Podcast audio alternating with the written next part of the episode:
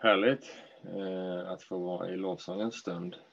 Vi ska eh, gå in i dagens bibeltexter, vilket innebär att jag kommer dela skärmen igen så att ni lätt kan hänga med.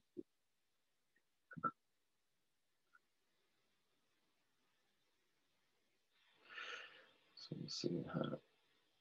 Mm. Så ska det vara.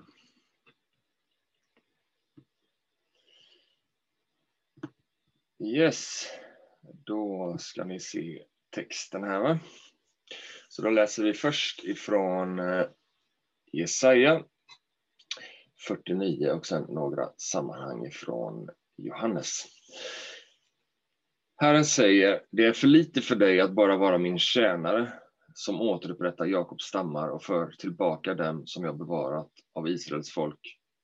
Jag ska göra dig till ett ljus för alla folk, för att du ska vara till räddning för hela jorden.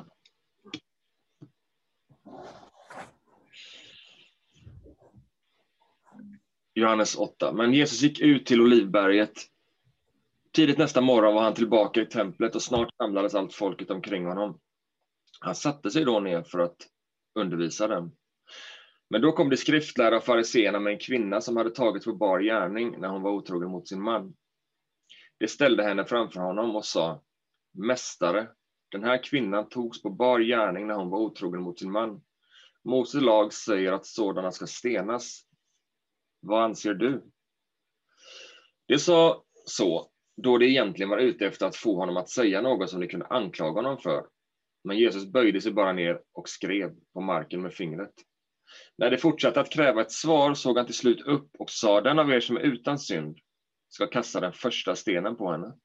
Sedan böjde han sig ner igen och fortsatte att skriva på marken. När de hörde det gick de bort, en efter en, de äldsta först. Till sist var det bara kvinnan som stod kvar framför Jesus. Då såg Jesus upp och sa till henne, Kvinna, vart tog de vägen? Var det ingen som dömde dig? Nej, herre, svarade hon. Då sa Jesus, jag tänker inte heller döma dig. Gå nu, men synda inte mer. Sedan talade Jesus till dem och sa, jag är världens ljus. Den som följer mig behöver inte vandra i mörkret, utan har livets ljus.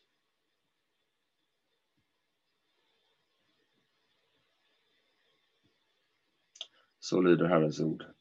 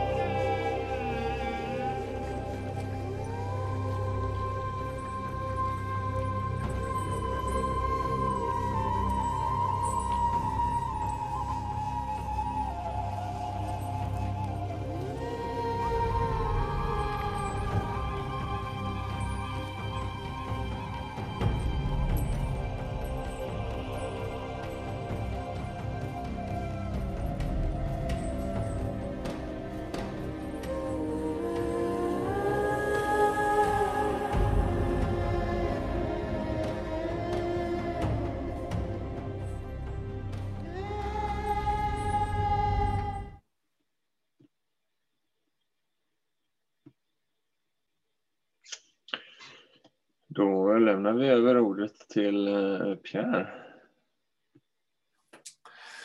Tack så mycket. Eh, hörs jag bra? Toppen.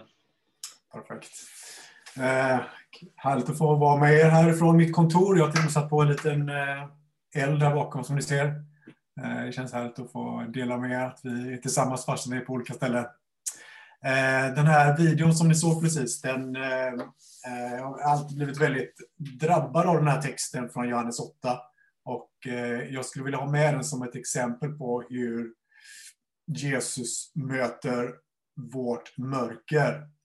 Och jag skulle också vilja tala utifrån de andra texterna som Jakob har pratat, eller har läst. Så ehm, vem är i mörkret? För vem kommer Jesus egentligen? En del av Jesu briljans är att han är, att han är som en öppen inbjudan till både i den här texten och den här videon, till både äktenskapsbryterskan och till fariseerna.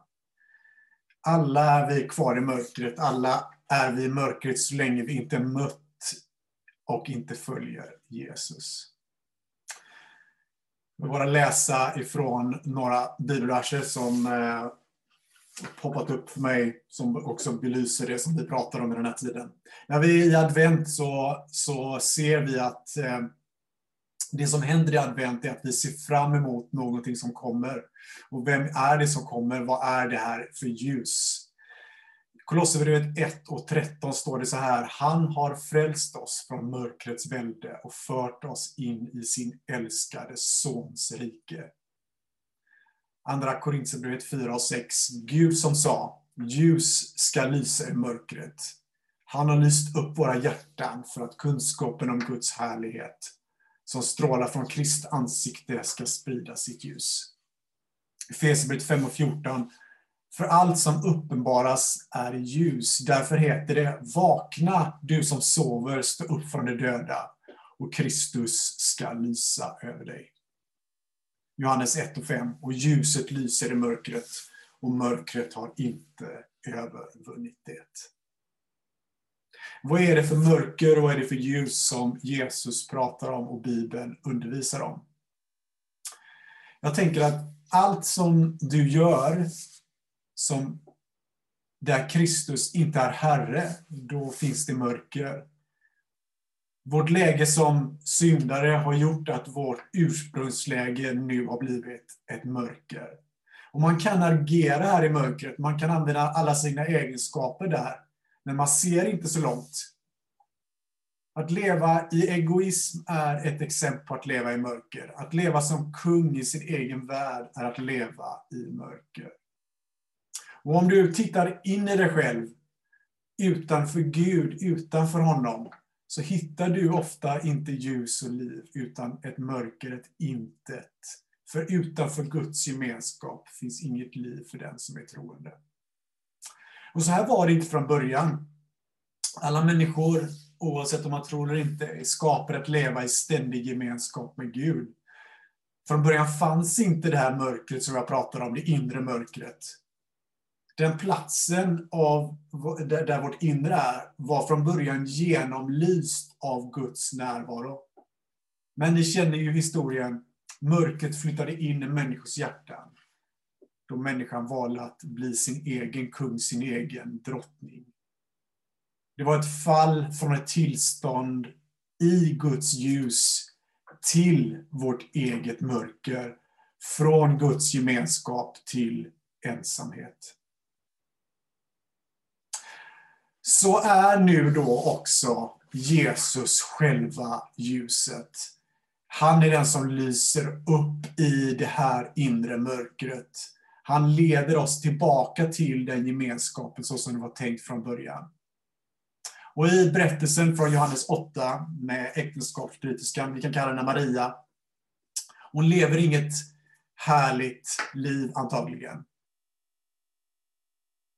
Hon vet kanske om att hon är fel ute redan långt innan hon blir framdragen inför Jesus. Att hennes liv innehåller både ett inre och ett yttre mörker.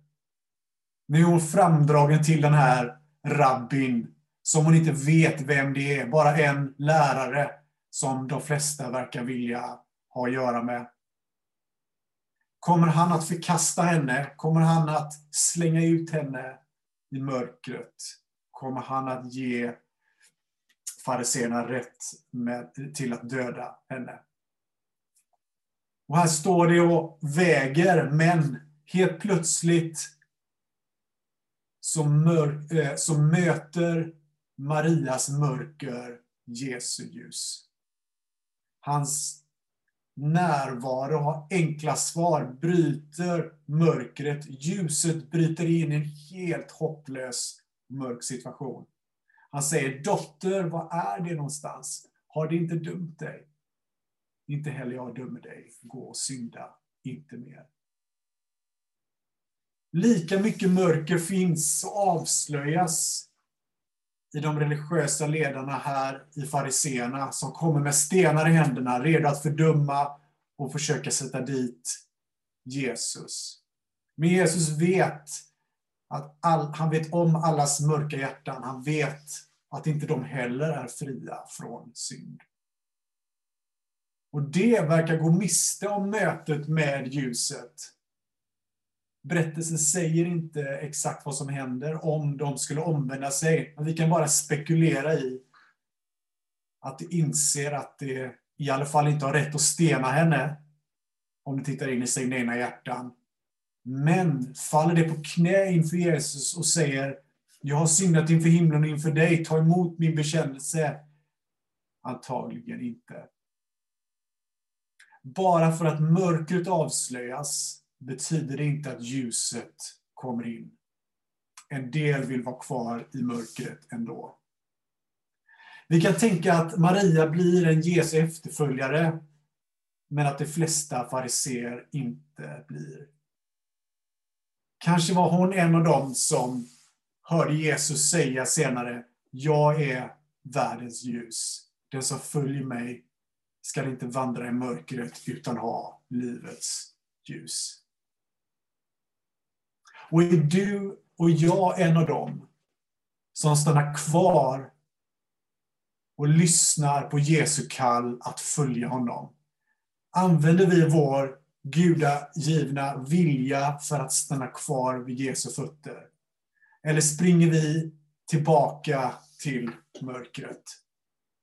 Det här, mina vänner, är inte en plats, alltså mörkret, att leva på, att blomstra. Gud kallar oss ut ur oss själva, till honom själv, från mörker till ljus. Jesaja som vi läste, texten vi läste, Jesaja 49 och 6, så läser vi om löftet om en som ska komma som ett ljus för alla folk. En räddning som går ända till jordens yttersta gräns. Jesus är det ljuset. Det finns ingen annan som kan rädda. Det finns ingen självhjälpskurs som fungerar. Det finns ingen guru som du kan vända dig till. Det finns ingen religiös idé som fungerar förutom personen Jesus Kristus. Han som själv var israelit, människa, samtidigt Gud.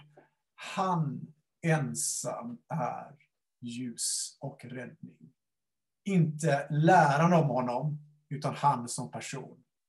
Och han kan, om du tror att han är den han säger att han är, göra ditt mörker till ljus. Det kan vara jobbigt att komma till ljuset. Det kan vara enklare att retirera till mörker. Vad menar jag med mörker? Jag menar att du retirerar till en plats där du fortsätter att göra saker som du inte vet är bra. Ljuset har kommit till dig och det är inte din väg att gå. Han vill, det kan vara jobbigt ibland, men han vill att du ska få stå, bli genomlyst av honom och komma tillbaka till den plats som du är kallad till att vara i hans närvaro. Kanske kan du bli och kanske du redan är en som säger, precis som David gör i Gamla Testamentet i psalm 23, även om jag vandrar i dödsskuggans dal, en dal fylld med mörker.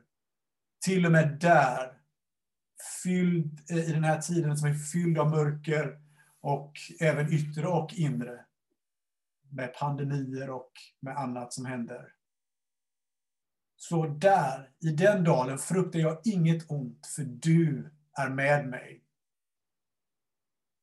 Din käpp och stav, det tröstar mig.